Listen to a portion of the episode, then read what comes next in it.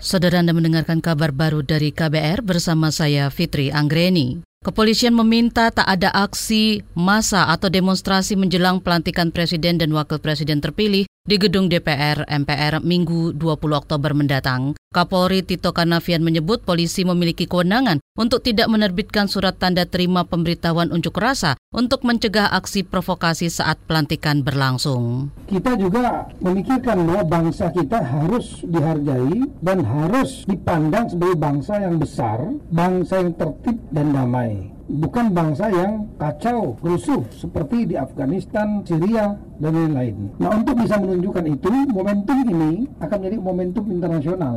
Semua media internasional semua mata internasional akan melihat. Untuk itu, kita tidak ingin menanggung risiko bahwa bangsa kita dicap buruk. Kapolri Tito Karnavian menambahkan unjuk rasa yang dilakukan mahasiswa belakangan ini kerap berujung rusuh. Tito juga menyarankan masyarakat untuk tidak melakukan mobilisasi massa, menati hukum dan menjaga keutuhan persatuan dan kesatuan bangsa.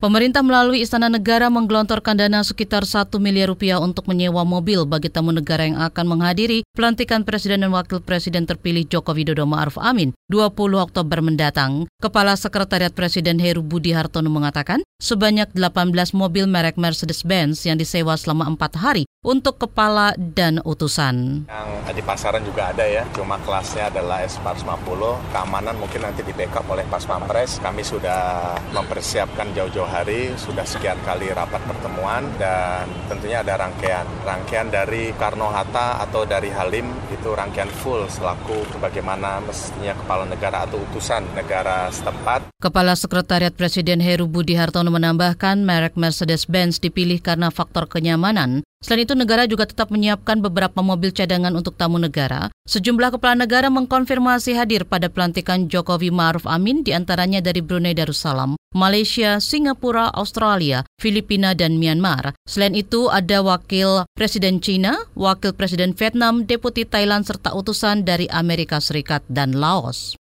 Penyidik Komisi Pemberantasan Korupsi KPK memanggil lima saksi terkait suap proyek peningkatan jalan yang menjerat Bupati Bengkalis Amril Mukminin. Simak laporan selengkapnya bersama reporter KBR Valda Kustarini dari Gedung Merah Putih KPK Jakarta. Saudara penyidik Komisi Pemberantasan Korupsi dijadwalkan memanggil bekas Kepala Badan Perencanaan Pembangunan Daerah dan bekas Kepala Bidang Tata Ruang Dinas Pekerjaan Umum Kabupaten Bengkalis, Jondi Indra Bustian dan Huri Agustiantri. Selain keduanya, turut pula dipanggil tiga orang lainnya dari pihak swasta. Kelimanya menjalani pemeriksaan sebagai saksi untuk kasus suap proyek peningkatan jalan Batu Panjang Pangkalan Nyirih Bengkalis Riau periode 2013-2015. Penyidik KPK telah menetapkan Makmur alias Aan selaku Direktur PT Mitra Bungo Abadi. Menurut KPK, Makmur menerima uang sebesar 60,5 miliar rupiah. Pada Oktober 2012, Pemkap Bengkalis dan DPRD Bengkalis menyetujui anggaran peningkatan beberapa jalan poros. Salah satunya peningkatan jalan Batu Panjang Pangkalan Nyirih yang bernilai 527,7 miliar rupiah. Makmur kemudian meminjam perusahaan perusahaan milik Hobi Siregar yakni PT MRC untuk ikut proyek lelang. Namun sebelum lelang dilakukan, Makmur terlebih dahulu mengadakan pertemuan dengan Bu M. Nasir selaku Kepala Dinas PU. Dalam pertemuan itu diduga ada janji pemberian bayaran sebesar 7-10 persen untuk mendapatkan pekerjaan ini. Dari Gedung Merah Putih KPK Kuningan Jakarta, Valde Kustarini, KBR.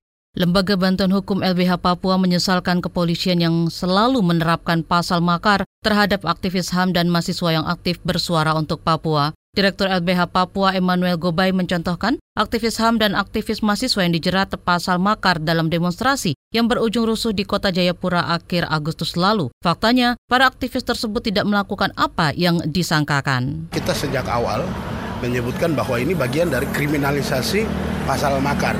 Nah, kenapa kriminalisasi pasal makar? Karena faktanya itu tidak menjurus pada unsur-unsur yang diatur pada pasal 106 atau 110 KUHP. Ini kan menunjukkan bahwa eh, lagi-lagi pasal makar itu dipakai untuk eh, kemudian membungkam kebebasan berekspresi. Direktur LBH Papua Emmanuel Gobay juga meminta Mahkamah Konstitusi untuk meninjau ulang keputusan penolakan uji materi dari penerapan pasal makar yang tidak disertai fakta dan alat bukti cukup. Apalagi tambah Gobay, pasal makar digunakan penyidik untuk membungkam dan mengkriminalisasi aktivis di Papua. Demikian kabar baru dari KBR, saya Fitri Anggreni, salam.